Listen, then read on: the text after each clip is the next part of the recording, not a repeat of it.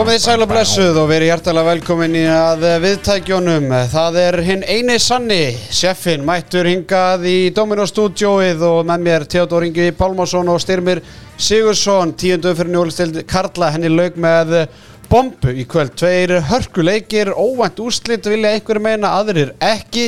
Meiru það síðar, sjeffin var fjárverandi í síðasta þætti, hann var enn að jafna sig eftir byggar Brottræksturinn Já, ég er enda að vissi það ekki fyrir en bara Nei, letu mig bara vita Já, takk fyrir að millifæra að- það ég átti að koma þessu til því Já, takk fyrir það Theodor en uh, fyrir kannski aðeins yfir byggarleikin aðeins á eftir því að hann geti tengst einhverju leik hér í kvöld. Mm. uh, meira það síðar.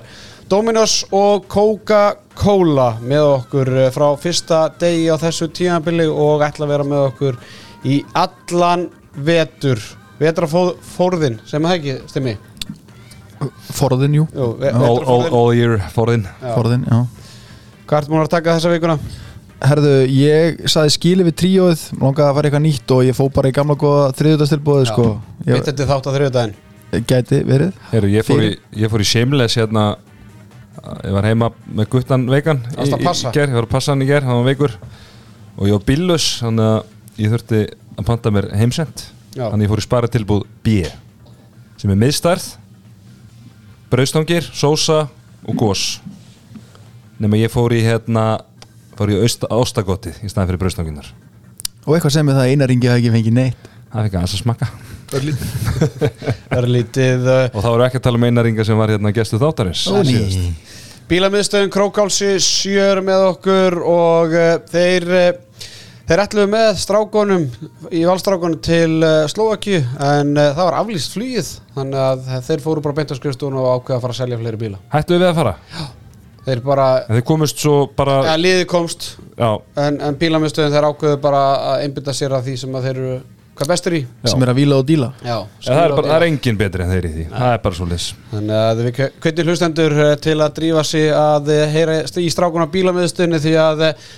það er ekkert betra en að vera á nýjum bíl rétt fyrir jólin.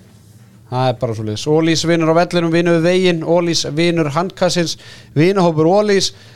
Þetta, nei, styrmir, ég, ég sé á þér að þú ert svolítið stressaður fyrir mánaðamótunum. Ég er það, ég saði það síðast að þetta En hérna Svo einhvern veginn svona ákvað ég ætla aðeins að taka smá kött fyrir jólin Þannig að nú eh, fæ ég mig bara kaffibóll á 65 krónur Takk 65 krónur Já, Sleppi krossandinu Kosta kaffi 65 krónur Eða út í vinu og bólís Hvað Er það með viðrisa? hva er, hva er árið? 2001 eða? Herru, fullt verð, veistu hvað það er?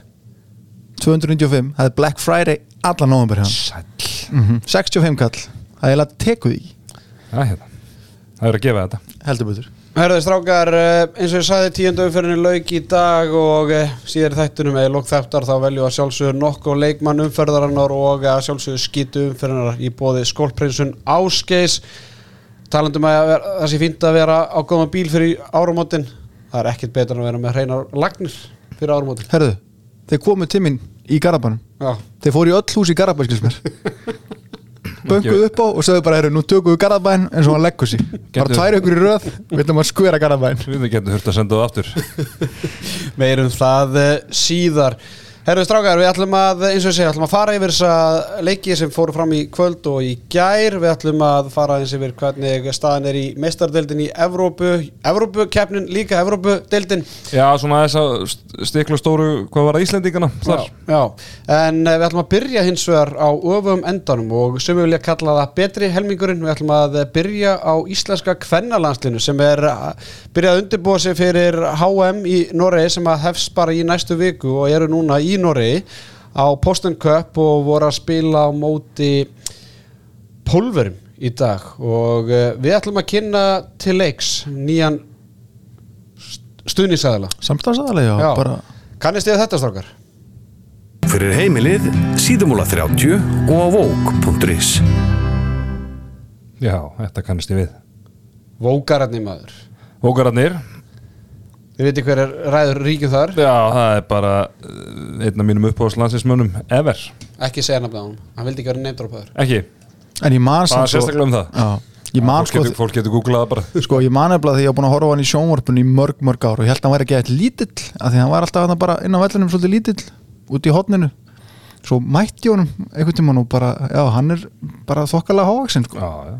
Svipum, bara svipum starflokkið þú. Já, Herðu strákar, Ísland uh, enduðu með því að tapa gegn Pólandi í dag 29-23 í uh, fyrsta æfingarleika í fjögurarlega móti uh, Næsti leikur Íslands er á lögadaginn klokkan kortir í fjögur og síðan á sunnudaginn kortir í yfir fjögur. Norður á lögadaginn og Angola á sunnudaginn.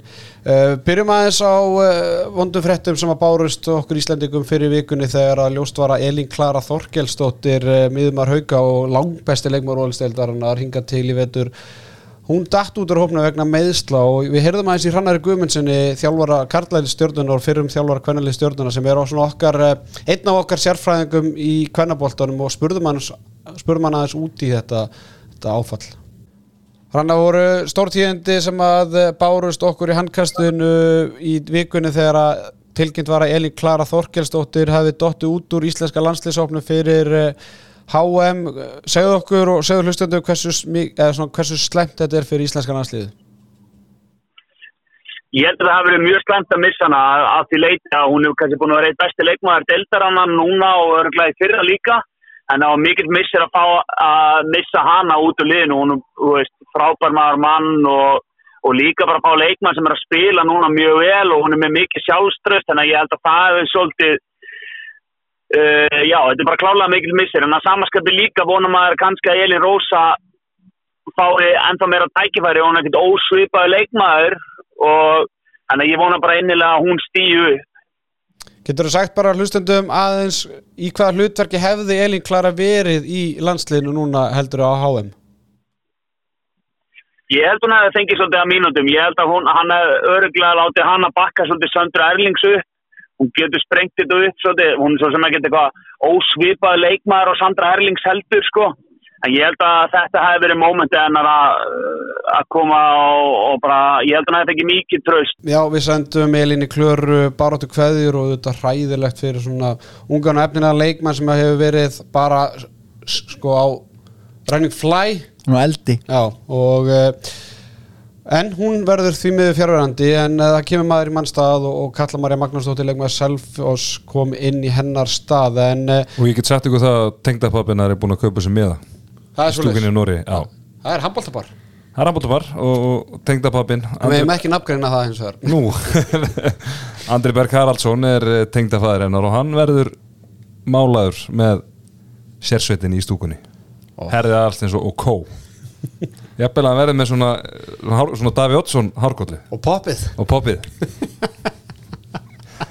Þannig að ég er ekki síður spenntur að sjá þegar það verður nærmynd í, stúkuna. Nei, nei, við fylgjumst vel með því. En uh, fyrir bara við markaðastu leikmenn Íslenska landsleisin Þóri Anna Áskistóttir var markaðist ásamt Söndru Erlingsdóttir og Andru Jakobsen. Þóri Anna með fjögumörkrundar úr vítum því að Imani var með þrjúmörkur áttaskotum og aðrar minna. Markvæslan allt í lagi ekki gott. Elin Jóna með sjövarða bolta 23% markvæslu Hafdís kom inn á í setna álingu með þrjávarða bolta 33% markvæslu Sko, ég horfði á hana leik í dag. Uh, Katrítina Jensdóttir var ekki leikmann og hóp íslenska landsleisins hún uh, mittist á æfingu vikunni. Rétt ára þær fóru út og uh, snýri sæðans á ökla og hún er ekki spilhæf og, og síðan var vinkun okkar Jóhanna Margrét Sigurdóttir heldur ekki hóp og, og hún lítur bara að vera eitthvað tæp því að mér er svona ólíklegt að Katla Maria sé strax komin bara undan henni þar þannig að, eh, þannig að það er greinlega tvei leikmenn ennþá að, að, að hérna, glíma við ykkur smáileg meðsli uh, sko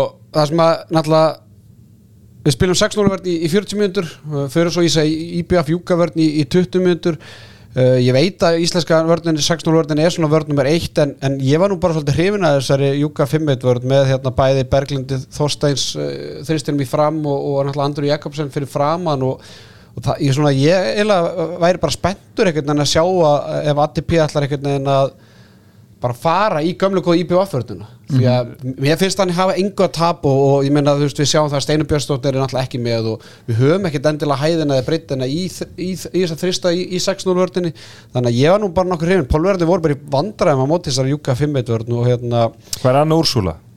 hvar er Anna Úrsula? Ándjóks, ég meina.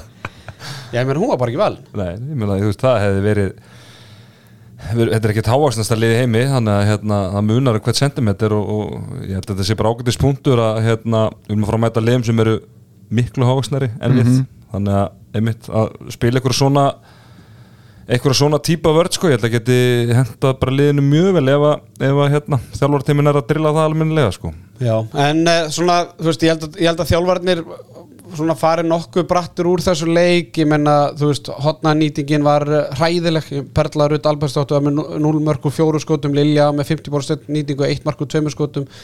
Og svo erum við með 0-3 í hægur hotnunni og Þóri Rósu og Þóri Önni, þú veist, þetta er náttúrulega ekki eiginlega ekki bóðlegt uh, við þurfum meira frá því í manni með þrjú mörgur átta skotum. Eitt, tvö skot sem er bara gripi hjá henni. Markværslan er ekkit spes. Elin Jóna rétt slefar yfir 20% og Hafdís Renundótt með 33% markværslu sko það var aðteglisvægt sem að HB Stats posta á Twitter núna í, í, eh, í, í dag er að við vinnum XG partan 27-25 en leikurinn enda 29-23 þannig að fyrir mér segja það að vörnin var ágætt og við erum að klúra döð Já, þú veist, mar- mörg, vörnin ágætt, markværslan ekkert spes, sóknin fín en við erum að klikka döð Já, ég mun sér bara hotnanýtinguna. Ég held að í þessari XG hérna, þessum XG parametrum að það voru hotnafæri röngu sem mjög góð færi, skilur við, bara skot á 6 metrum þannig að það segir sér sjálft að, að þegar við nýtum ekki hotnafærin að þá hérna, þá erum við bara í vesinni. Það er bara svo lis og líka, það, það sem hefur líka áhrif á, þetta, eh, við erum ekkert að grínast með að fara aðeins í XG-gögnin er að við erum ekki að verja skot fyrir utan skilum við, þú veist að, að íslensku markbendir er ekki að verja hotnaskotin frá pólverunum er ekki, þessi skot fyrir utan er það ekki bara eðlilegt með bara hvernig dildin er það? Jú, jú, bara veist, er bara ég meina Elin Jón er að spila á Erlendi sko, hefur verið að gera það síðustu árin Já, já, en Þannig að- hérna En það er rétt, jú. ég meina þú varst búin að fara yfir það í þar síðasta þætti hversu mikið að, svona, hvað var ekki fisku víti á Íslandi, skilur mig já, já. kallar um að sér skvenna og að, að- að stelpunar er að fiska miklu fyrir víti, þannig að gegnubrotin eru tölvöld fleiri en, en þú veist pólverðarnir eru með sko 80% markvæslu í hotnunum og, og 67% markvæslu á utan, þannig að þetta er svona Mér finnst þetta bara allt í lægi, ekkit, þú veist, allt og margir klaufalega tapaði boltar, það var einu svona tvísaðar sem að mynda hann á alltaf komin að sókna leiknum þegar að hérna, pólverðin var búin að vinna boltan og, og hérna, þú veist, mér finnst þetta að vera bara smá svona jákvæð teikn á lofti. Já, og líka þetta eru hluti sem er bara auðvelt að laga Menna, veist, að það er eitthvað ekki að auðvelt að laga að nýta færin, sko. Þú veist, annarkvort bara ertu með gæðin í það eða ekki. Já, það er alveg mikið aðeins í það. Þetta er bara, þú veist Þetta, þetta var bara, það er hittu allar á slemmandag Já, það gerði það, en, en hérna það verður fróld að sjá það, náttúrulega norska liði náttúrulega í, í heimsklassa unnu held ég Angola með ykkur 8-10 mörgum í, í dag, þannig að Já, ég veit ekki með 5 metrurðunum þar sko. Það er svona það lið sem verður kannski, þú veist En alltaf lega að prófa. Já, en svo er það fróðilegt að sjá náttúrulega leikjum sunnundan því að Ísland og Angola er náttúrulega mætast í, í riðlakefninu og það er náttúrulega þrjú lið sem að fara upp úr riðlinum að með skilst og, myna, og það er sí, seinasti leikurinn í riðlakefninu en það verður fróðilegt að sjá hvernig sáleikur þróast og hvort við eigum eitthvað eigum eitthvað tjens á móti Angola. En við hlokkum til að sjá þær spila um helgina á, á laugadag og sunnudag. En strákar eh, vindum okkur í Óli Steild Karla þar sem að tíundu umferðin lauk í kvöld með eh, tveimur leikjum og við erum komnir hingað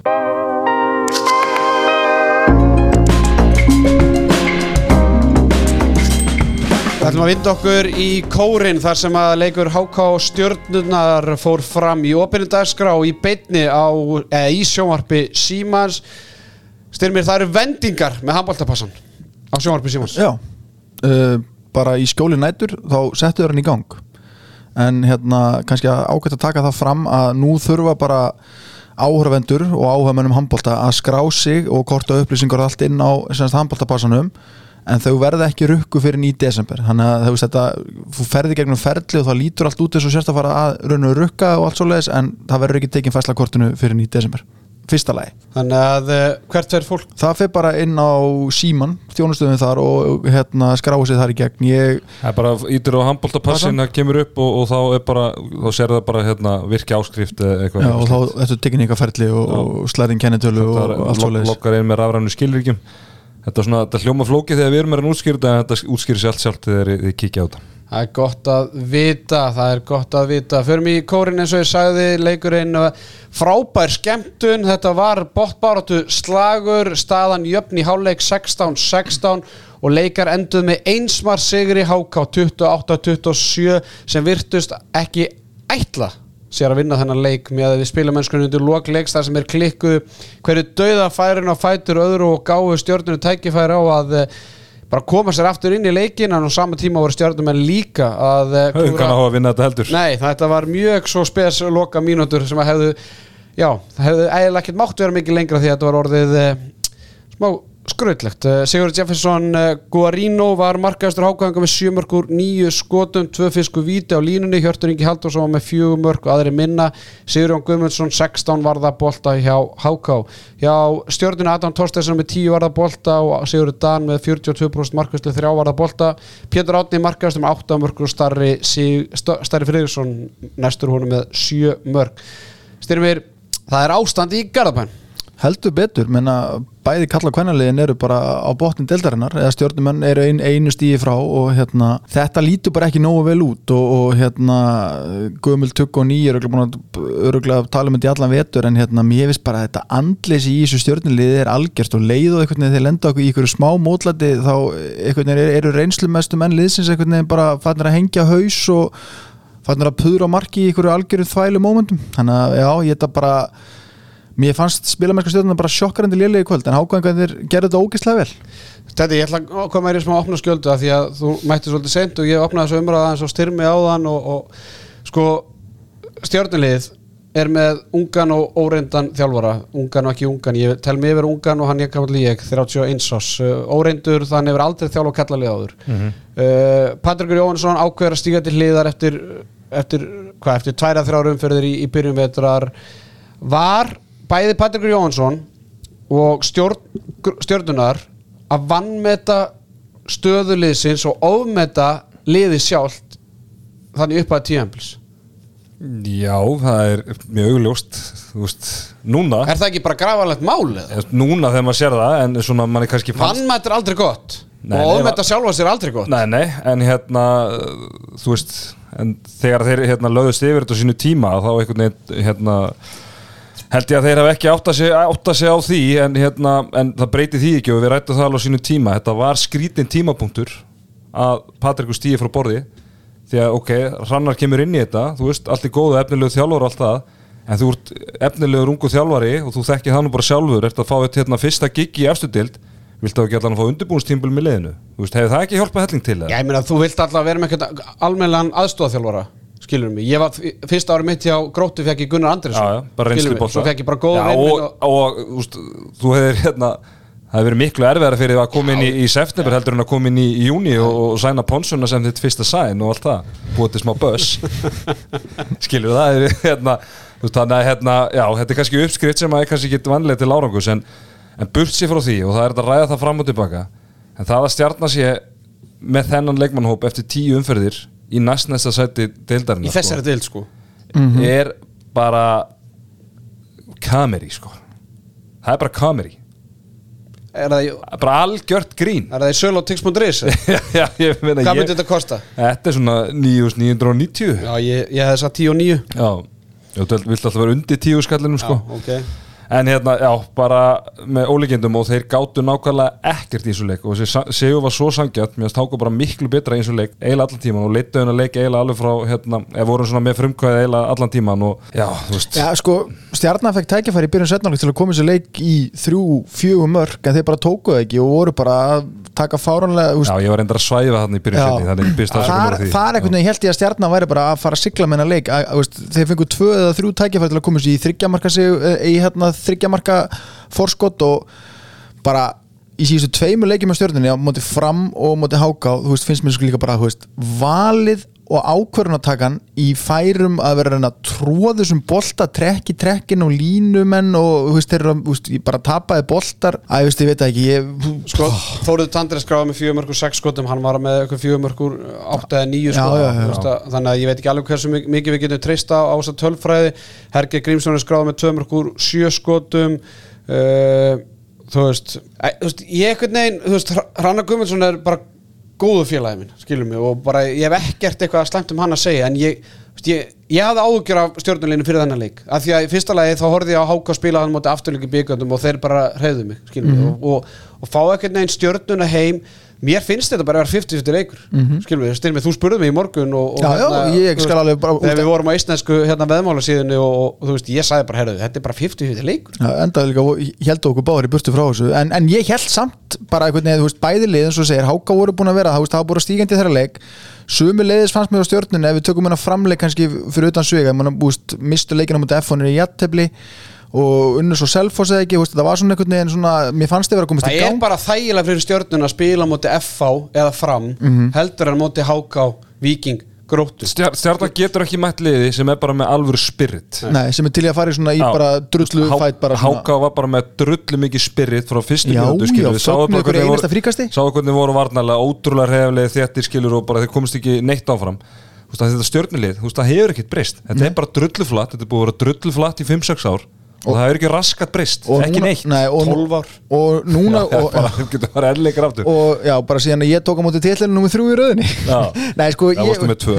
Þrjú, en hérna, eins og ég segi hérna, Ef við ekki fara að síðu við það þegar ég Það verður, það þarf bara að gera sér Já, þátt já. um það bíó sko við gerum það setna, en eins og þegar ég hugsa úti að meðan leiki kvöld það er einhvern veginn ég held að enginn eitt stjórnumar hafi bara fagna marki eða fríkast eða neitt í kvöld sko, þeir bara þeir voru þarna bara einhvern veginn svona já, að því þið þurft að vera þarna það var leikur og þetta mæti leik bara. Það ég meina byrjunarlið stjörnunar þú veist, er bara bara gott byrjunarlið, við vorum að tala um það líka þú veist, og við gáðum alltaf hérna smá slaka þegar að hérna í byrju tímabils, Já, já. þegar, þegar stíðin voru ekki að koma, þú veist, það vantaði starra það vantaði Þór Tandra þú veist, og við tölum um það alveg réttilega þetta væri svona svolítið bútasömmur og, og hérna kannski breyttin í, í hópnum ekki nægilega mikið nú er það konum með þess að gæja allinn mm Mhm. -hmm. þú veist, Þóru Tandra er komin inn, starri er komin inn starri er enda frábæri í þessu leik eins og alltaf bara já, já, en breytst ekki neitt nei, þetta er bara sama andleysið bara sem við sjáum, bara tímabil eftir tímabil HK komnir í 8. seti deildar með HK. 7 stig eh, Víkingar í 9. seti með 6 stig Grótta í 10. seti með 6 stig Stjarnan í 11. seti með 5 stig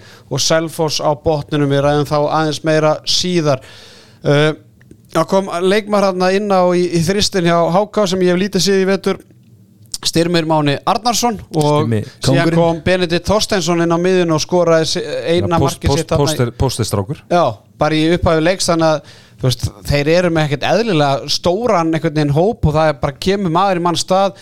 Pálmi Fannar er ennþá meittur Júli Flós er ennþá meittur Ari Sverrir er meittur Kristofur Ísa kemur inn í, í þennan leik.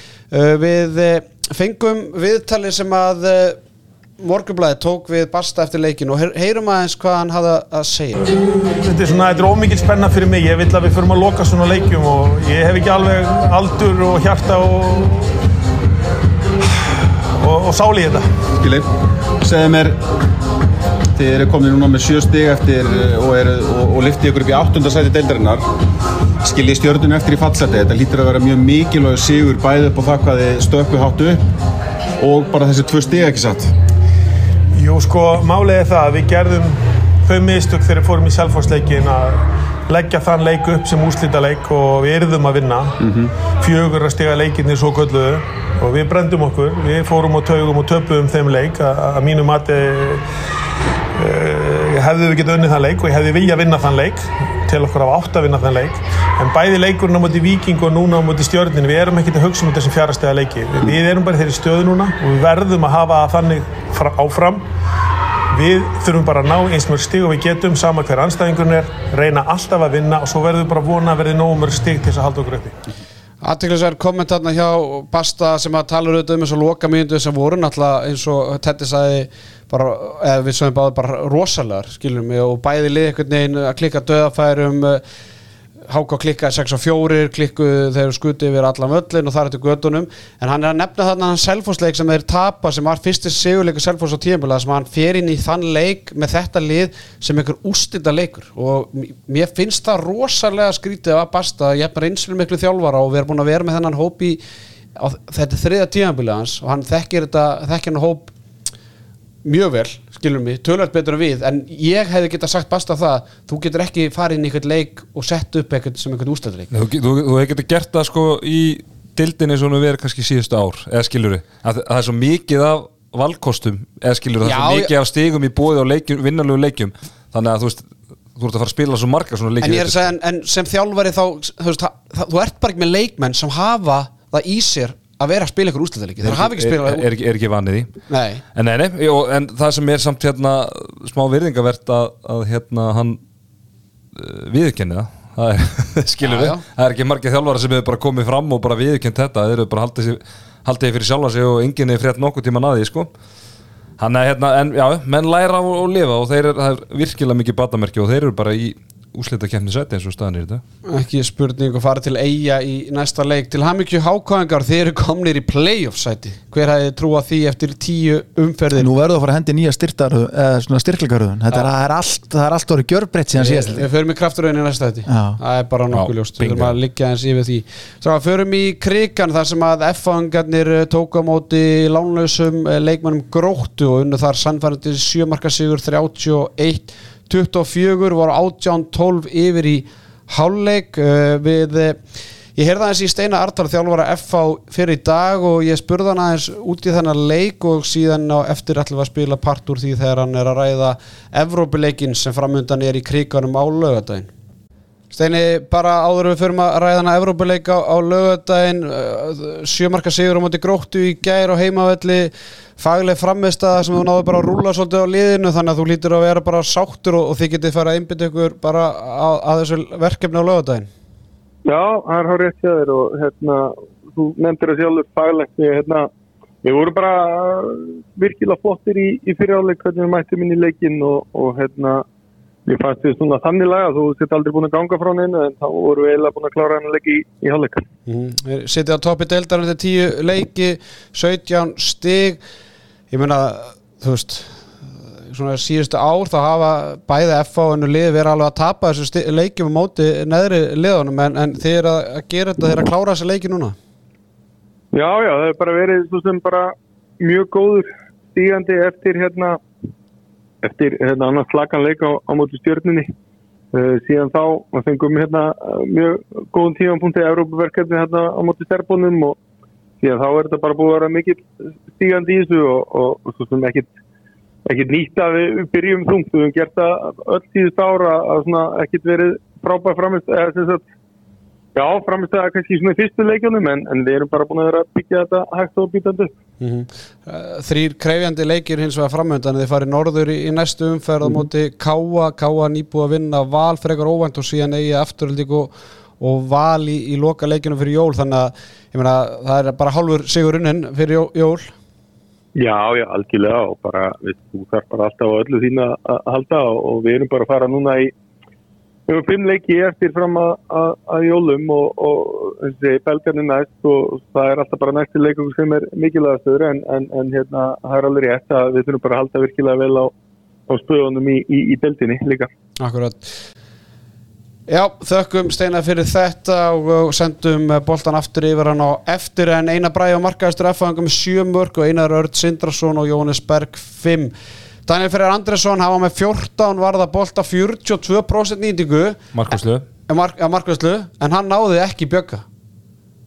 Hvað bjökjum við, 30 Nei, þú veist, fjölda varða bolta voru ekki jafnir? Jú Já, ég, þú veist, reglunar hjá mér eru þannig ef þeir eru jafnir, þá gild, þá fer ég Já, bara Já, já, ok. gott Ég ætlaði nefnilega að fara alveg Já, að- ég- Ég ég- ætlaði að fara að ég- taka stera kannski Nei. á fitnessportinu Já, ég nenni ekki að vera að halda um ykkur að hálfa vinninga sko. Nei. ég, ég sagði það í upphafi sko. Já, og, takk. og þetta er mitt, hérna, mín hugar smíð þessi keppni, þannig að það er þannig og Eins og staðan er segir. 4-6 4-6 fyrir Bjögga í, í hólukeppninni þar og óskum Danna til hamingi með þennan vinning hjá gróttunni þar var Jakob Ingi Stefánsson markaðastu með sjö mörg og aðrir minna. Eina Baldvin byrjaði markinu var ekkit spes í, í fyrirháleik og, og Shuhei Narayama kom inn á í fyrirháleiknum var bara frábær, 43% markvæslu en einar fekk hins vegar tröst í setna áleik og, og bætti prósenduna töluvert en það var leikurna nú bara búinn þar.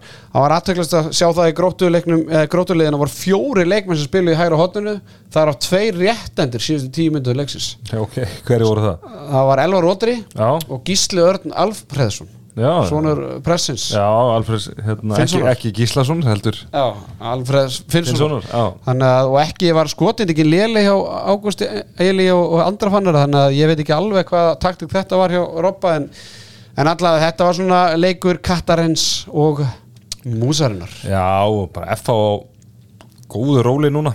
Komnir á, komnir á toppinn og, og bara virkilega mikil stígandi í, í þeirra leik. Og mér finnst þið bara að vera svona mjög helsteftir og, og svona samfarandi þessa dagana.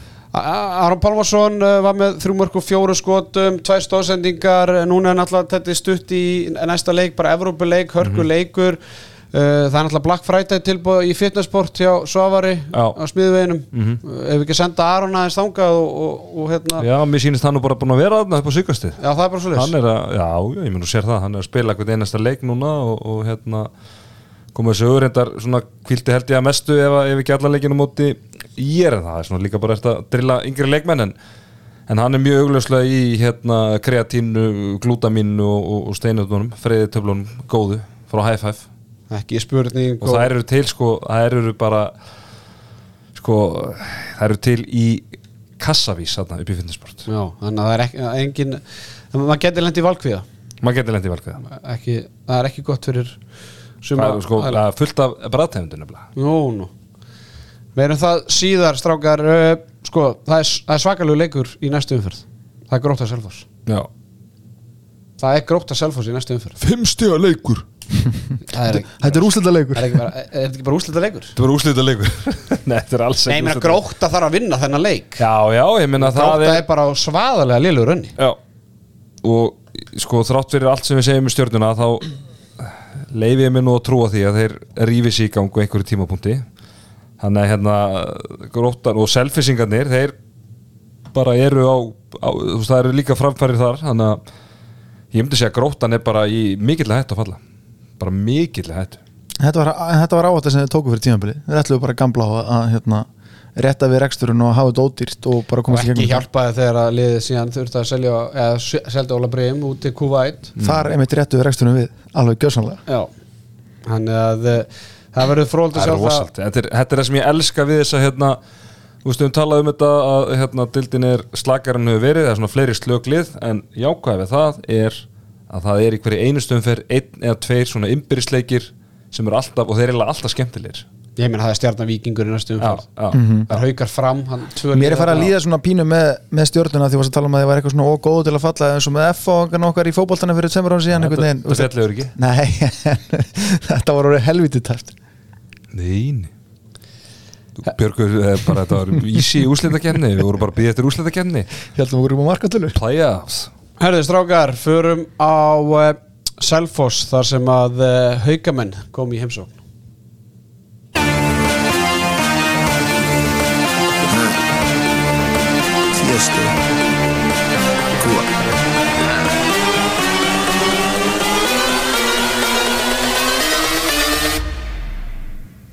Bring that ass back like a boom, boom, boom, boom. Búm, búm, búm, sagði maður, maðurinn og Ranja Búm leikur umferðunar er að sjálfsögðu leikur Selfoss og Hauka þar sem að selfísikandir þeir elska góðan og Ranja Búm. Og uh, það gerum við líka strákandir í handkastinu.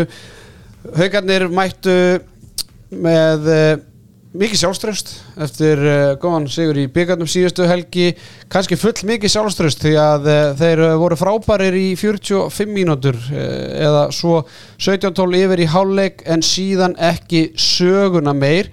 Haldið ykkur fast hlustendu góður Botliði Selfoss vann hauka með tveimur mörgum 30-28 Theodor Ingi Pálmarsson fyrstu viðbröð eftir tölur frá Vallaskóla Sjokkarandi Algjörlega sjokkarandi eftir hérna framistöðera í, uh, í byggandum á móti íhjá síðustu helgi. Þá einhvern veginn held ég að þeir voru alveg búin að það voru búin að trekja haukavélin í gang en það hefur kannski mögulega farið fullmikið lorka í, í þannleik Ég meina, ok, Ég meina þeir, þú veist, hvað var staðan í hálfleik? 17, 17-7 eða eitthvað. Nei, núna, nei, í núna 17-12 já, 17-12, Já. haukum í vil. Já. Þeir bara voru ekki með úttaldi að klára þetta í 60 mínútur. Tapa setni með sjö sko. Já, Tapa setni með 7 mörgum uh, sko, það er ótrúlegt. Það er rosalegt. þetta, þetta er svo mikið haukar. Andjóks- Haukar er alltaf haukar þegar þeir mæta einhverjum liðum hann í næri kantunum sko. Þetta er rosalegt. Já, Haukarnir eftir 10 leiki er þeir með 50% sigurhlutall Þeir eru búin að tapa á móti Selfossi og þeir eru búin að tapa á móti HK já Og svo er þetta eitthvað F á Valur og IBF, IBF vinna aftur líka heimavelli. Ég meina, er þetta ásættilegur árangur hjá, hjá haukum uh, úr því sem komið er? mm, Sjötta seti Já, ég meina bara Nei. 50% sigur Já, nei, það er það ekki sko. Við erum hef- jafnmör stig og káa. Við erum með einu stig minna fram. Já. Ég meina hversu höf- töluðum við um spilamennsku fram hérna lengi vel á tíðanbílu Sko, mér finnst haugandir ætti að vera með svona allt er eðlilegt, ætti að vera með svona fjóru stígum meira að minnst kosti. Og þú veist, þeir eiga fram í næstu umferð veist, þannig að þið getur verið svona öruglega í sjötta setinu. Meina- sko, og sko, alveg allavega þá þrem stígum frá hérna Sko þú, fimmta ef setinu þú segir fjóru stig meira þá ertu ætlast til að þeir vinni hef- Selfoss, neðstaliði Selfoss og nýlega HK Já. Ok, en þá ertu líka að gefa það einhvern veginn að haugandi bara tapi samfar, eða tapi bara á móti FH, Val og IBF Þú veist Já, en svo tapa, þú veist, getur alveg tapa á móti afturheldingu þá líka og þú sem er, er en unnu þú sko. veist, af þessum fjórum toppliðum þá Já, hafa þeir unni já. einn af þeim. Já, ég meina, ef, þið- ef þið væri núna eftir tíu leiki ef þið væri 7-0-3 þá væri við ekkert eitthvað Nei, nei, en skilur skilur, þeir þá væri við bara, þá væri við bara tókala sáttu með þá. Það Já, er bara það sem ég er að segja. En sko stíin ef við tökum, tökum því aðeins út fyrir svega ég er meira ágjörði að haugarnir eru bara nákvæmlega eins og eru búin að vera síðustu fjögur og fimm árin. Þetta er bara andleysi svipur um að tala um í garðabænum þú þetta er bara þú veist hvað? Ok, þú það er veist, búið að vera spyrir já, ég með þeir eru búin að rústa nokkur leikjum sko. Það er búið að vera spyrir þess vegna Slátra kemur þetta í óvart af því að það er búið að vera þú veist þetta byrjaði svona er flatt eins og þetta já, búið að vera. Svo, það var, er- svo Þeir kemur eru ekki Maxi vanir að vera 17-12 yfir í háluleik og tapa þeim leik sko, Þú eru þetta er bara eitthvað svikalogn. Þetta voru okkur nokkri leikir sem að koma eitthvað spirit og svo eitthvað neður bara eru konur í sama farið aftur. Menna þú veist, fengur svona new manager bounce þegar þeir fá maxim inn og all, allt voða gaman og svo bara aftur eru dórið þreytt sko. Vinna afturheldingu þarna og svo þarna, ef þú segir rústa þarna gróttu, rústa káa mér þetta fannst þeir ekki geta neitt rústa vikingi, þú veist, þetta er alveg þú veist, þeir eru að taka leikina og snýta þeim, sko. Þú veist, vikingur er búin, alveg búin og þessi leið búin að hérna, setja mörglið í vandræði, sko. En en svo reyndar að því sögðu þegar við sáðu það svo í alvöru testun á móti öðru og tveim bestu liðunum. Val. Það eru talað með, já, og ELF og líka. Já, já. þú veist, þeir eru slagir Sérstaklega mútið Val, það var hörmungum í Val. Já, mér fannst það ekkert spesa mútið FH líka. Nei, nei. Mér fannst alveg augljóslega að vera með Eh, Þannig að já, þetta var algjör skita. En náttúrulega munaði um að hérna, ekki það, þeir eru alveg að geta unnið og eiga að vinna selfúst og vanti eitt leikmann en minna Aron Raffn, hans fjárvera Hans fjárvera skrifast á kokkin í kriganum. Dengsi minn. Já, fyrir hlustendur sem að ekki vita þá náttúrulega fekk Aron Rafn eh, skoti í höfuðið í byggjarleikunum móti íhjá á eh, hvað svona rúmlega eh, tæp, tæpa Já, 40 myndur Eklis, já. og maður svona velti fyrir sér hvað er Aron Rafn að gera inn á vellinum á á 40. mínútu í byggjarleik það er Tól- svona 12 mörkum yfir. 12 mörkum yfir en þetta er eh, sko slísin gefur ekki bóð undan sér en uh, Nei, nei, og, og svona svo hlustendur sem sátt ekki halda hann hafi eitthvað bara bombað í hausin á hann sko, þá var þetta svona bara einhver, einhver snutta sko, þetta kannski þú veist, óþarfi eitthvað, hvernig sem, hvernig sem það er sko, en, en þetta var ekki mikið högg en, en, en bara máli með svona höfuhögg og, og svona, þau eru brellin og, og bröðótt sko og, og hérna, það þarf greinlega ekki mikið til að- í rauninni bara setja hann út sko, Nei. bara því miður og bara vonandi næra sér bara sem allra fyrst Magnús Gunnar stóð í marki hauka með 6 vara bolta, 19% markvöðslu og Ari Dignus Marjusson var með 1 varin 25% Eh, Þráin Orri var með 100% nýtingu á línunum með 7 mörgur 7 skotum og Össur var með 6 mörgur 8 skotum. Styrmir, þú varst aðeins að kíkja á leikir svona flakkamilli í kór, kórsins og, og hérna Selfoss og, og þar var Guðmundur Bræði með 6 mörgur 14 skotum og 5 tafabolta klikka 2 vítum. Þetta var bara algjör hauskúpuleikur hann hann, hann er þrýr tíu þegar það eru tíu myndir eftir eitthvað. Þannig að þrjú af þessum mörgum kom bara á lokakablanum og þá var hann búin að tapa þessum fimm boltum. Þannig að þetta er einhvern veginn svona e, e, þetta er einhvern veginn bara svona stóð strax út og þegar maður var að kíkja eins yfir haukalið þegar maður var að, að hérna, svona, hvað væri að valda hvað, þú veist, hvar væri e, svona brotalamir í liðinu og þá var það bara í markvöslunni og í leikjóku hjá hann um guðmyndabræða sko. Já, al algjörlega, hann skoraði þarna 27. markið og svo 27. Ég meina staðinu jöfn 28-28 og það sem kemur við svolítið óvart er að, er að selfisikandi klári hennar leik. Þeir hafi, skilur mig, bara sjálfstörustu í það og, og það er bara miklu starra en að segja að klára haugana sem hafa verið á, eins og við erum talað á þeirri siglingu sem hafa verið á í, í á mótið sem lagari liðum að, að bara klára hana leik og, og velgjart hjá selfisingum og þetta eins og ég segi, þeir eru ennþá botninum þrátt fyrir þannig sigur og, og, og hérna þeir geta þakkað uh, Alexander Hapkelsinni fyrir þetta með 47% markvæslu í markinu með 10 varða bolta og Viljus með 6 ég meina selfisingarnir eru með 16 varða bolta á móti 7 hjá haugum og Hannes Höskuldsson, hans langbesti leikur á tímanbílum 8 mörg og 9 skotum í, í vinstra hotninu Einar Sverrisson upplugur með 6 mörg og 10 skotum 2 stóðsendingar Sölvi Svavarsson betur engin, bara frábær. Með ég 5 meina- stóðsendingar og 5 mörg Ég ætla bara að segja það núna hreint út að þeir hefðu aldrei unnið hennar leik nema þeir hefðu dreigð hann og flóta aftur. Alltaf gott að eiga góðan vin í hotni strákar, sko við ætlum að fara í krafturöðina á uh, þriðudaginn en þessi úslit það voru margir sem að uh, töluðum að úslit vals og hauka, nei vals og káa á þriðudaginn hafi verið gríðarlega óvænt ég ætla að segja það að þessi úslit eru tölvört óvæntari. Ég er sammála. Mér langar þetta að er, vera sammála annar, það- þetta er annar sigurleikur selfos á tímanbílunu Já, fyrsti sigurinn á heimaðalli og mér finnst sko Káa er með þannig leikmannahópa þeir eiga alveg að geta ef allir er á toppleik bara þú skefið þessum toppliðum alveg alveg leik sko. Já, ég meina Káa slátra Selfoss í fyrstu umfyrinni, Já. gerir jættiblóndi fram þannig að, þú veist, vinna háka ég meina þetta var ekki fyrsti sigurleiku Káa tíðanbílunu þeir hafa bara átt svolítið erfitt tíðanbíl hérna, fram að þessu valsleik. En ég meina, Ég, ég held að haugarnir séu búin að vera svona í svona 60-70% á óvandut úrslitum þessara deildar síðustu tvekja þryggja ára. Bara, þú veist, þeir eru kjallarinn hjá þeim er rosalega geta Fannst þér þetta óvænt að námúti ég er í fyrra örlítið Já, já, þetta var alltaf verið ég og strákunir í Íslandi á haugunum þegar þegar þeir taka upp á þessu. Nei, nei, nákvæmt þetta er, þetta er bara, já ég, ég hefði áhyggjur af þessu ef ég væri stuðnismæður hauka og einn harðasta stuðnismæður hauka sem ég þekki og við þekkjum hann allir, hann er, er alltaf með belti axlabönd og erum alltaf búin að búa svo undir að það hérna versta sko, því að hann veit að haukunir eiga þetta til.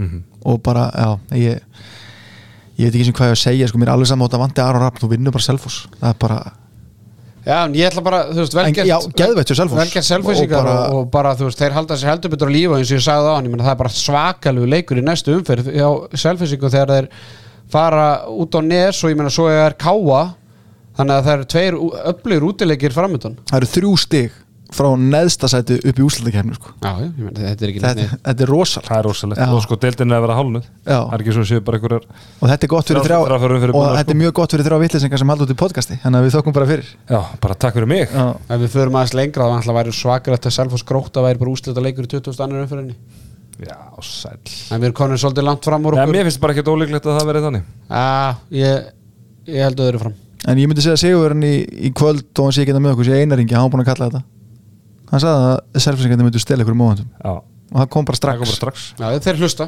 Hlusta. Selfissingarnir hlusta, við hefum eh, diggan trú. hlustandi hópi á, á Selfossi. Herðu, förum, við gerum þess að klárum þess að hérna, uppgjöra eftir þegar við veljum nokkuð leikmannin og uh, skýtu umferðinar en Teddy, Tix.is, jólagjöfun þú ert búin að vera líkin á Tix.is og ert að klára allar jólagjöfuna bara inn á Tix.is og uh, við kjötum að aðra hlustendur til að gera slíkt til sama. En strákandi er inn í endurskóðan Baker Tilly, þeir eru búin að liggja fastir við skjáin yfir meistartildin í Evrópu í gær og í dag. Og uh, voru ykkur óvænt úrslit núna í þessari umferð?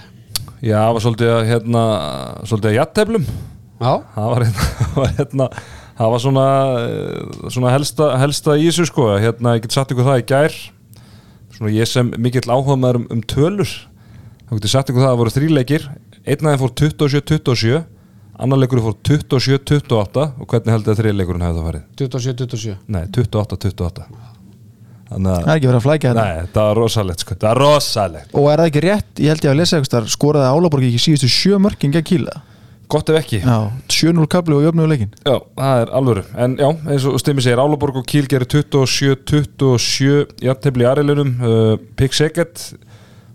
og eru er náttúrulega á toppi deild- eh, toppi Já, riðilsins, já. Kíl í, í efsta setjum Já. 11 steg og Álaborg með 10 Föru kannski bara við stöðun á eftir. Uh, Eurofarm Pelester hérna, vinniðinir. bóndastrákarnir frá Makedóníu þeir stóðu nú í Pick Segget 27, eh, 28 sigur Pick Segget það er einn upp á samballamæður minn í Pick Segget mútt gíska hver það er. Þannig að miðumarinn Dejan Bombak, rétt. Frábær leikmaður þar á ferð. Eh, PSG Kolstad gerur 28-28 jættefli þar sem að Sigvaldi eh, Björn var mar næst markastur leik Kolstad með sjömörk og þar sem að Sandi Sakusen setti tíu kvikindi. Svo unnu uh, Kilsje fjármarka sigur á Zagreb í kvöld 28 24 uh, Haugur Þrastason Var zero. Það var bara nada hjá honum. Uh, í bjerilunum uh, unnu Magdeburg uh, 32-25 útisigur á G&G Ómuriki með 6 mörk í annar staði komst ekki á blað. Uh, Vesperan vann örugan sigur á Selja Lasko 41-31 Bjarki Már Ilsson með, með 4 mörk þar. Vísla Plokk tappaði fótt í Barcelona töpu það 32-25 og svo Montpellier fjaramarka útisigur á Porto 29-25 og við förum aðeins bara yfir stöðuna í þessu öllu saman í Arilunum, það er Kíl Fs með 11 stig Álaborg og Kíl sem er 10 Kolstad, PSG og Pikseket með 9, þetta eru efstu 6 liðin sem að fara áfram. Þannig eru, svona, þannig eru svo þrjústinnir í Zagreb með 60 og, og, og Makedónarnir bændurnir þar með 0 þannig að svona, getur sagt að línusjöfarnar að skýrast hvaða lið fara upp úr, upp úr þessu rili uh, það er svona svipa hinum með það er Barcelona með 14 stig ásamt Vesprem, uh, Magdeburg með 12 Montpellier 8, GOG 8 Porto 6 og svo eru fjögur stignir í Vísla Blokk sem er með 2 stig og selje 2 þannig að við getum svona slegið að í föstu svona nokkur neginn hvað tólu veru að fara áfram en þetta er svona alla spurningi bara hvaða lið fara beint í áttalúslitum og, hvaða lið þurfa að mætast í þessum tólulega úslitum til að vinna sér í þáttökur rétt í áttalúslitum Já, ég, ég verða að vikina það, ég er ekkert með standpínu yfir þessar reyðilega kemni sko. Nei, nei, þetta verður Þetta er svona frábært að hafa þetta skilum, maður getur horta highlightsin og einn og einn leik skilum en maður er bara að býða eftir þessar úsliti Já, já, þetta er bara aðlega líka fyrir þessar stráka sem eru kannski í deildum sem er ekkert hérna, mjög samkjöfnisæðar eins og í Pólandi, hérna, Ungverjalandi og, og, og víðar. Þú heyrir það líka bara á fáið svona- landsliðsstrákum fá- fáið alvöru, alvöru leiki sko. Þú heyrir það líka á landsliðstrákunum sem eru ekki í mestaradildinu þegar maður spyrða svona hvað hillar þú veist að það er mestaradildin sem hillar sko þannig að þetta er náttúrulega besta dildin, Mhm. svo eina sanna. Svo lang besta Herru, þú ætlar að fara í Já, ég ætla Evrópu bara rétt að skauti yfir hérna Evrópu-deildina. Og ef ég glemdi ykkur íslendingu þar þá bara byrst ég innir afsökunar á því svona ég ákvað að skauta bara yfir að helsta. Er það sama afsökunarbein og skarpiðan og strákanir ká að fá fór Já, heyrðu, það var reyndar það var reyndar hérna þetta nú bara að byggja skarpiðin og, og, og, káa með bara afsökunar. Þegar við vorum að fjalla um káa val hérna eða val káa núna í síðasta þetta þá ætlaði að stemma að fara að rosa káa en fyrir mér var fréttabútur í þessu leik drullan hjá val sem að nú bara held í rétt hjá mér. En ég ætlaði nú alltaf að taka svo káa í lókin en það bara glimtist. Og hérna hér með leirtist það og skarpiðin er að hlusta og varst frábæri í þessu leik. Og þú líka dagur. Og dagur líka í vördinni, þeir voru hérna ungir þristar, herðu, ok, áfram fyrir mig í Európa-dildina uh, það var hérna Lavalsjæðslagur, þú hefur nú haft gaman að þessu, sérfræðingur. Kadetten Schaffhausen ég er ekki að tala um það, en það er nýja nafnið þitt. Herðu, hérna Reyneka Löfven og Benfica mættust. 39-30 sigur Löfven. Það sem er Ímurð Gíslason Arnóð Snær Áskósson og Steven Tobar Valencia tóku allir þátt. Ímur með eitt mark Arnóð 2 og, Steven 2 en hérna Hver á markastu? það var Knár Knor Knorrarinn. Ha. Bollasúpan var góður Það er svo bara tökum við hérna fljótt yfir. Óðinn var með uh, tvö mörk í Sigri. Kadettin Sjáfásin á Lovkan uh, Teitur setti þrjú fyrir Flensburg uh, gegn Elverum. Orri Freyr Þorkelsson með sex mörk í Sigri Sportinga og Tata Banja og Viktor Gísli skoraði eitt mark í Sigri Nant og, og Kristjanstad og, og varði, varði eitthvað bolta ofan á það Þannig að hérna, Európa-dildi líka, við kannski svona, við erum ekkert mikið búin að gefa henni gauðum en, en við svona uh, fylgjum betur með þegar að fer, þegar kemur að úst, útsláttar keppninni þar. Já, við erum búin að fara í mestaradildina, búin að fara í Evrópudildina og síðan er það náttúrulega bara Evrópubikarin sem framöndun er um helgin að það eru fjögur íslensk lið í eldlínunni Valur, FH, IPVF og Afturhelding og FH-engarnir þeir fá belgist lið í heimsókn í krigan á lögadaginn og eins og ég sagði á hann þá heyrði ég Steina Ardal og spurði hann aðeins út í þessa anstæðinga segðu mér aðeins frá þessu belgíska liði ég var að fletta þeim upp uh, þeir sitja á toppi Benelík sem er svona sameili delt Belgíu og Hollands uh, virðist vera bara hörku lið.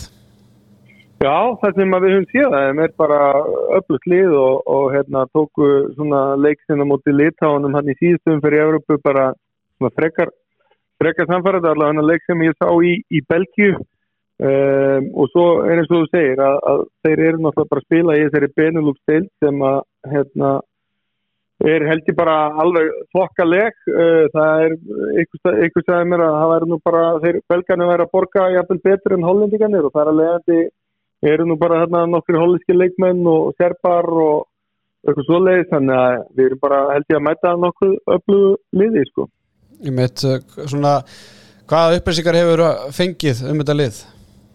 Við erum búin að sjá einhverja frjáleiki og, og klippa þá með þeim sem að bæði úr, úr Evropu og, og úr deildinni. Þannig að hérna, það er eitthvað, eitthvað að vinna með.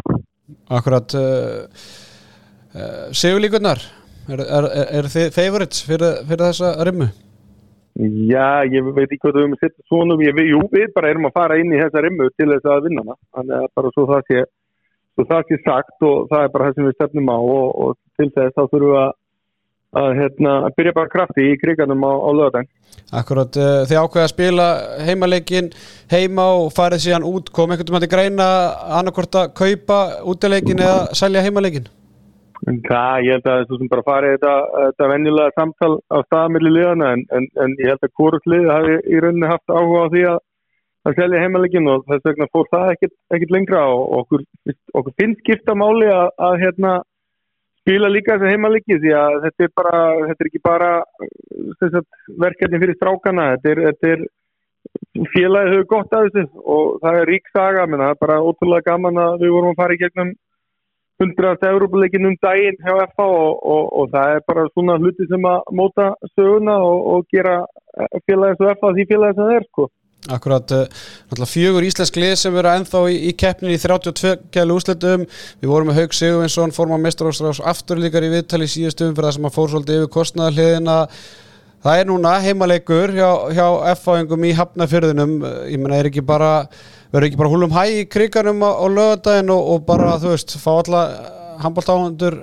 í krigan Jú, ekki spurning og, og við búum sem betur fyrr svo vel í kriganum að það er fullt af frábæri fólki sem er bara orðið helviti gott í því að búa til flott ívent og, og flotta leiki og, og umgjörun hefur verið, verið bara mjög góð og, og mjög skilt á, á okkar fólki að það er bara blása til alveg veiklu á, á hérna lögadagin. Það gekk frábælega í síðast Európleik, það voru ykkur 1200 mann sem mættu á leikinu moti Belgrad og það er ekkit lendamál að þetta skiptir okkur bara ótrúlega miklu máli því að þetta er dýrt og strákarnir þurfa að fjármagna þetta vissulega með styrk frá bæ og eitthvað frá EHF og eitthvað svona en, en það skiptir sköpum og fólk mæti fyrir utan það en náttúrulega bara gerir íventin miklu, miklu skemmtilegri að hafa fulla parla. Akkurat, bara í rétti lókin einn klassík spurning, er allir klárir í bátana, er allir leikminn heilir? Uh, ég geta eiginlega ekki svaraði alveg það var eitthvað smá bara ekki gæri en, en, en við mætum með, með, með gott lið og ég veit ekki hvort að það nái allir að vera með en við mætum með gott lið. Stimmi, ertu búin að kaupa þér miða á, á leikinu lögudagin? Nei, ég á það eftir en ég mun bætu því fljóðlega maður var að stiðja ís, ís, íslenskan handbólta og, og hérna, stiðja F-fáðingana í þessu og strákana sem er að sapna sér fyrir þessu aðvendri Já, ég kefti hérna, Gerðu þú að stimmi? Ég var undir eftir að tekka hvort ég hef unnið eitthvað. Næ, ég gerði það ekki, ég kefti eins og nóg um að herra kvöldi stjórnunum en það fókar henni ekki vel. Ég ætla að vona þessum penningu verið eitt í eitthvað gott þar. Af F-fáingum? Nei, ég er að segja, ég kefti ekki F-fáingum en ég Já, kefti, sérðu. hapat, ég kefti hapadræts með annar staðar. Já, það þarf að fara að setja hennar pening í lið, það er nokkuð lust Já, ég ætla að vona það. En allavega við hvetjum í- alla til að fjölmenna í krigan og síðan alltaf fylgjast við með þessum íslensku liðum í Evropabíkarnum og, og síðan verða heimaleikir hjá IPVAF og uh, Val síðar í, uh, já, bara eftir, eftir viku. Þannig að uh, það verður frólt að fylgjast með því. En strákar uh, förum aðeins á engjavegin þar sem að uh, HSI hafa verið svolítið á milli tannana á fólki. Frábæra frétti sem að bárust í gær þegar Arnarlags kom inn sem styrtaræðili hjá HSI Já. Það er bara, það þarf að, það þarf að hérna, reka þetta batteri Heldur betur En það fór, það fór ekki vel í alla, við getum orðað þannig.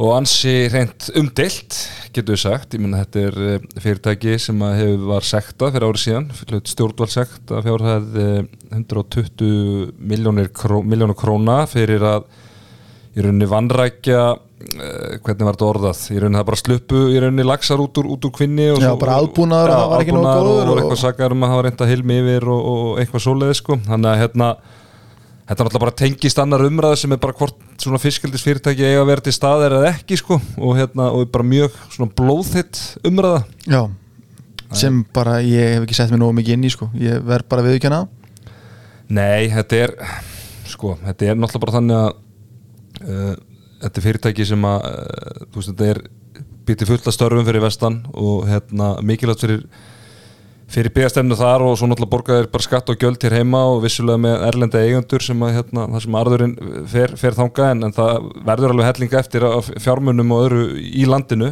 en, en þú veist, auðvitað þurfum menna að hérna auðvitað þurfum vera, menn að vera með um, umhverfis svona uh, atriðin í, í lægi og, og mér finnst allir lægi að formaðurinn myndi mæti vittal og, og kannski bara svona útskýra þetta, þú veist, af því að það er bara mikil umræð um þetta og allt það, ég meina HCM með umhverfistefnu og, og svona hvernig þetta samræmist henni og hvort að það sé bara eitthvað plagg bara upp á punt eða hvort að það er inni telli eitthvað.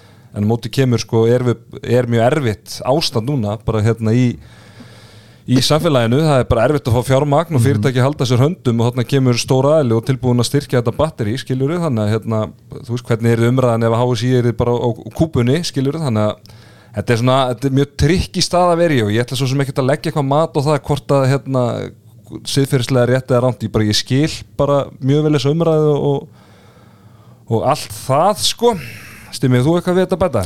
Nei, ég eiginlega bara tek undir með þið sko og sko það sem að ég fór einhvern veginn að velta fyrir mér og kannski það kannski er punktur yfir í aðra íþróttir það sem að ísl, íslenskur toppfótbolti sem er nú enn í sama hús og við erum að taka upp í gerði þarna eh, skýslu í síðustu viku eitthvað sem að gera ofinber með raun og veru bara styrki sem stjórnvöld er að setja í íþ, íþróttarhefingun í heilsin og þannig og þú veist, það, mér er alveg bráurinn bara hvað íþróttarhefingin í landinu er að fá lítinn styrk frá stjórnvöldum sem gæti alveg ítt, Arnal, eh, ítt háis í, í þessa átt sem þeir eru að fara í að sækja fjármátt hjá, hjá Arnalagsi þannig að þú veist aftur eins og þú sagði, þú veist, með siðferðslega rétt eða rangt, ég bara veit það ekki en menna, þessu, þetta er erfiður rekstur og það þarf bara einhvern veginn að brúa bilið og, og þarna kemur fyrirtæki og einhver hafa verið að nefna það, þetta sé svona Íslands sportwashing, svona eins og við hefum verið að heyra með Manchester City og það í ennska boltanum hann þessi félag að reyna að sko nýta sér strákana okkar í að reyna að laga ímynd sína og það er ábyggilega bara góðu punktur og allt í lagi með það en, en, en hérna Guðmundur Bjólásson og þeirnir í HSI er náttúrulega bara fyrst og fremst að hugsa um að reka batterið og, og hann er aðlið sem er tilbúin að koma inn með fjármagn og, og hérna þannig að ég ætla ekki að hengja það fyrir það að hafa,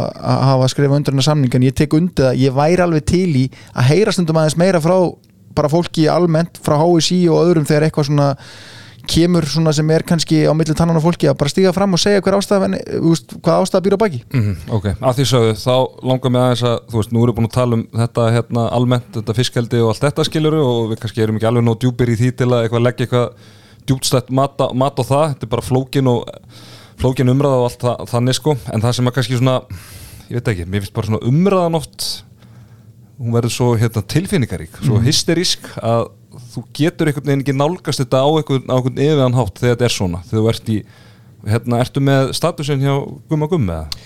Ég, með hérna bara, þú veist að, þykja peninga frá þessu fyrirtæki sem vil nýta sér íslenska landsliði til að lappa upp á daburlega ímynd sína er óskililegt. Eitt get ég sagt að ég hef aldrei samþygt sem þjálfari landsliðsins á sínum tíma að bera slíka auglýsingu. Ok, þá ætla ég bara að koma öðru uh, Þannig er hann að tala um einhver prinsip að hérna að prinsip ástæðum þá ætti HSI ekki að taka þetta Mhm. uh, Guðmundur Guðmundsson hann tók við starfi sem landslýstálur í Bahrein Já. Googliði bara Human Rights in Bahrein Mhm. og mér finnst bara þannig að ef að, sko ég skil Bubba Mortens og alla sem eru svona í nátengdir hérna lagsinum og, og allt það, allt það. En Guðmundur Guðmundsson, ef þú ætlar að stíga fram og, og koma með svona hérna blameringar ef þú ætlar að vera síðapostuli og, og hérna með prinsipgleirun á lofti þá finnst mér bara lámark að vera með hreint í sína hodni heldur betur og þetta finnst mér bara svona að vera já, þetta er bara tvískinnungur að, mí- að mínu viti. Og svo, og svo bara, þú veist, svo tökum við þetta bara eins lengra bara hvar á maður að stoppa, skilur þú veist, Mhm. það er þú getur fundið eitthvað skít svo víða sko, eitthvað neður sko. Ég, meni, ég sá eitthvað fleik fram á netinu í gær bara með, að, með aðalstyrtaralega sem er einn á böngunum skilur að þeir hefðu verið að taka húsa fólki í hruninu og þú veist það er alltaf eitthvað. Arjó, Arjóbanki er búin að vera einn helsti samstarfsæðali Arnalags bara í hjálpaði við vöxt og fjármögnun og fleira ef þá Já. kansilera þeim líka. Já, ég veit, þú getur alltaf fundið eitthvað sko. Getur alltaf fundið. Já, hann hérna Ég veit að hl- þetta kannski kemur hlustundum á óvart að við ætlum ekki að hjóla í HSI enn einu sinni en þú veist, þarna bara, veist, skilja það alveg. Ég skil alveg hvað hann koma, en mér þetta er eins og sé aftur, væntum að mm. myndi bara stíga fram og henda bara tvekja þryggja mínuna viðtal og, og hérna því að, að því að ég held að sé ekkert flóki fyrir það að, að koma sér fram að mynda það núna, ég held að sé allir til í að hans að heyri þeim. Já, og þetta, eins og ég segi, sko, veist, með þessu umhverfistefnu sem ég nefndi á hann, þetta, þetta verðist þegar maður horfir á þetta sem leikmaður ekki samræmast henni, eitthvað, skiluru, en, en svo ertu að reyna að reyka eitthvað batteri og, og eitthvað, þannig að þetta er bara svona lengri, lengri umræði, en, en svona, ég bara kall eftir aðeins mér yfirvögun í umræðinu, það er eina sem ég vil segja um þetta. Fannst þið Guðmundur Guðmundsson vera bitur í þessum, í þessum status eða? Heldur þetta hafa eitthvað með að gera hann hafi verið sagt upp í voru eða? Uh, ég bara, veit það ekki, bara mögulega, en Ég, ég, ég held að hann hafi verið fyrsti Íslendingurinn sem setti status um þetta mál já, hann var mögulega reddi bara á, á takaborðinu. Já. Hvernig var þetta statusin hans hérna þegar hann var rekin með idiotuna Já, var eitthvað Albert Einstein eitthvað, eitthvað, já. Elvarud Friðriksson, frangatastjóri Verndarsjós Viltra laxas, laxastofna á Íslandi. Hann uh, var með góða komedíu líka. Hann uh, bendir á að hins vegar hef ég meira áhugjur á árangri íslenska landslýsins og komandi handbóltamótum ef vörnin hjá íslenska landslýsinu verður jafn leg og netinu arnarlagsið og veit það ekki á gott. Hins vegar er vonarglæta fyrir sóknina þar sem að nýja bakjarlinn hefur mikla reynsla því að komast fram hjá öllum vörnum og tróða sér áfram þvert á milli vilja fólks. Vill háa sér virkilega vera með merki þessa yðnar á baki sínu og þannig kynna land og þjóð? Já, þegar stort er spurt ég, ég ætla bara að veikina, ég sóna út svona tíu sem meðan við vorum að tala um þetta, ég er bara mér finnst bara leiðilegt að það sé að vera að tala um ítla um Arnar, þó að það sé Arnarlags og það er eiginlega eina sem ég tek í þessu og hérna, ég, er bara, ég er stoltur af því að nafn mitt sé á bakinu hjá HSI og uh, vonandi að það sé eitthvað sem koma skal en uh, ekki það ég hafa mikla vendingar að það gerist einhvern tímann en uh, það er bara allavega, er alltaf von en svo er náttúrulega bara spurningin með allt annað en, en hérna, eins og segi, ég hef ekki hugmynd um þetta og, og hérna bara eins og, eins, en samt ég sammála þú veist, það er allt vittlust og, og hérna spjallborðin eru vi, all, allt að gera vittlust og, og Guðmundur B. Ólafsson hann einhvern veginn verður að fara að lesa salin og, og hérna grípa inn í og, svara fyrir þetta því að þú veist, það má ekki glemma því að HSI, HSI er náttúrulega ekkert annað en bara aðeldafélögin og hérna þú veist, þetta er svona þetta kemur slæmu orði á, á hérna Íþrótina bara íþróttina skilur mig og, á þá svo lengi sem þeir get ekki svara fyrir það sem þeir eru að gera og hérna Já, um, umtalið er, veist, er neikvægt en þetta er líka þannig umræða að þeir sem að eru á hinum endanum, veist verja lagseldi, þeir þeir þórið líka að koma fram með þær skoðanir af því að umræðan er svo hysterísk sko. það minnir mig svolítið á svona að, aðrar umræðir í, í samfélaginu sko. hann að hérna þú veist, sú, þú veist, sú rödd er náttúrulega miklu háværari en hérna þess þá heldur að þá væri bara fínt að hann myndi stíga fram og reyna svona eitthvað að róa, að róa hérna, öldurnar sko. Strákar, við erum komnir hingað. Já.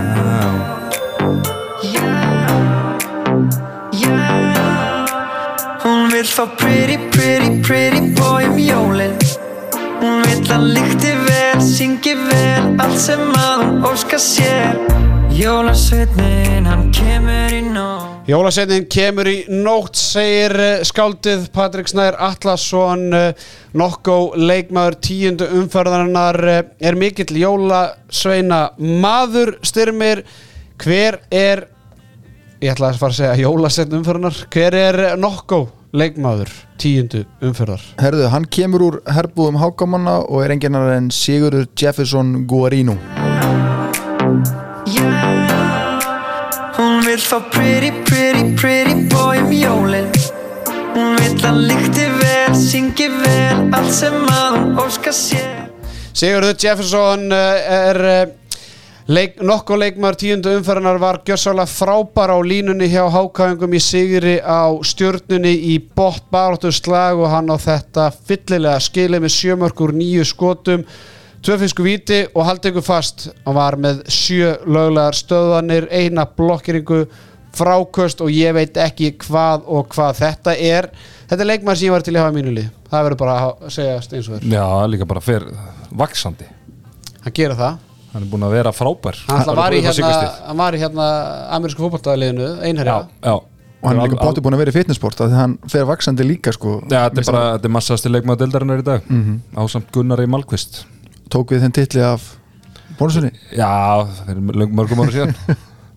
Já, þeir eru nokkrir eh, sætir og vöðvasteltir strákendur í ólistildinu og Sigurður Jefferson hann er klárlega á lista yfir uh, þá leikmenn. En strákar það er ekki bara hægt að eh, vera eitthvað að grínast með nokko í, í mununum það þarf líka að fara að skoða skolpi heima á sér og uh, skita umferðanar að þessu sinni. Þetta var erfitt það verður bara að segjast eins og er. Og skita umferðanar er að sjálfsögðu í bóði skolprinsun Áskis sem hafa verið að gera gríðalega gott mót í allan vetur. Uh, smá miskilningum með Björgum Pál hann á tímabili en uh, þeir uh, já ég ætla að vona að þeir hafa gert sitt í Garðabænum. Styrmið, þú sagðir alltaf að þeir hafa björga málunum heima því já, þeir, þeir mættu og bara tók vel á mótið þeim en þeir gengu í húsi í Garabænum líka. En ef að fara bara hingað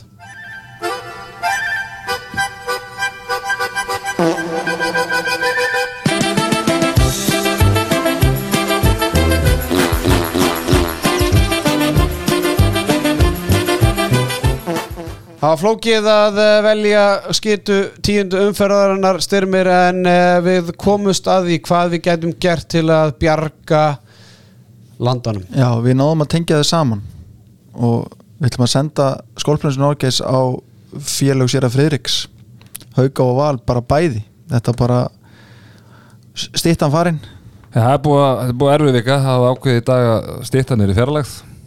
Friðrik og, hvað hétum og drengurinn eða eitthvað, eitthvað lis ég þekki það ekki, en já, ég sá bara hún er farin og félögin sem eru, eru kentuð hann oft eh, áttu bæði bara skellulega umferðana, við ætlum bara að senda þau í hafnaförin og nýja á líðarenda Það er eh, bullandi álag á, á bræðurunum í skólprinsuninni. Já, en þetta er allt svo nýteki í gegnir og hlýðarendi, ég held að vera snöggir að þessu Ekki spurning og allsarnin alltaf að tapa á heimavalli gegn eh, Káa og á sama tíma í sömu umferðinni tapar haukar á móti selfisingum botlið Selfoss eh, fyrsti sigurleiku selfisingu á heimavalli eftir að hafa verið fimm mörgum yfir í hálfleik þá tapa haukarnir með tveimur á móti Selfossi. Þannig að það er eh, mikil vinna framundan hjá Skolprinsun Áskis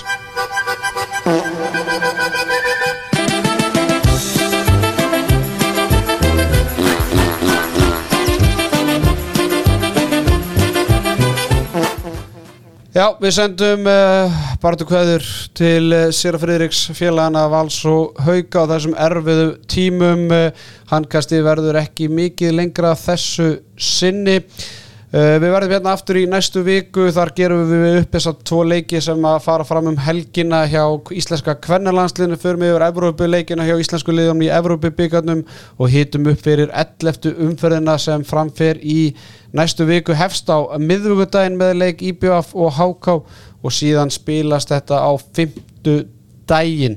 Það líka fyrir framleikur KA og FO þannig að uh, tvei leikir á miðvíkudaginn og uh, fjórir á fymtudaginn eða byrjuð er ég ekki að lista rétt eða? Nei, nei, það er bara ekki rétt um mér Það er búið að færa leik afturleikur á vals til 18. desember það er búið að handbólta yfir sig þannig að það verða bara fimm leikir í næstu umferð Já, þetta er, já, tveir um miðgudag, þrjá fymta Já, þannig að það verður bara stutt og, og laga til okkur á þriðudag næstu viku en hins vegar er nógum að vera Strákar, takk hjá fyrir uh, samveruna með mér í, í dag Gaman Miklu frekar. Miklu Og, frekar. Hvetjum fólk til að fylgjast með íslenska kvennalandsliðinu í baráttunni í Noregi þessar næstu vikur. Umfyllunin að sjálfsögði í bóði Vók fyrir heimilið og við þökkum þeim kærlega fyrir að vera með handkastinu í liði auk allra aðra styrtaraðila Sérfræðingurinn átt spurningum að fara að ræða við Arnalagsin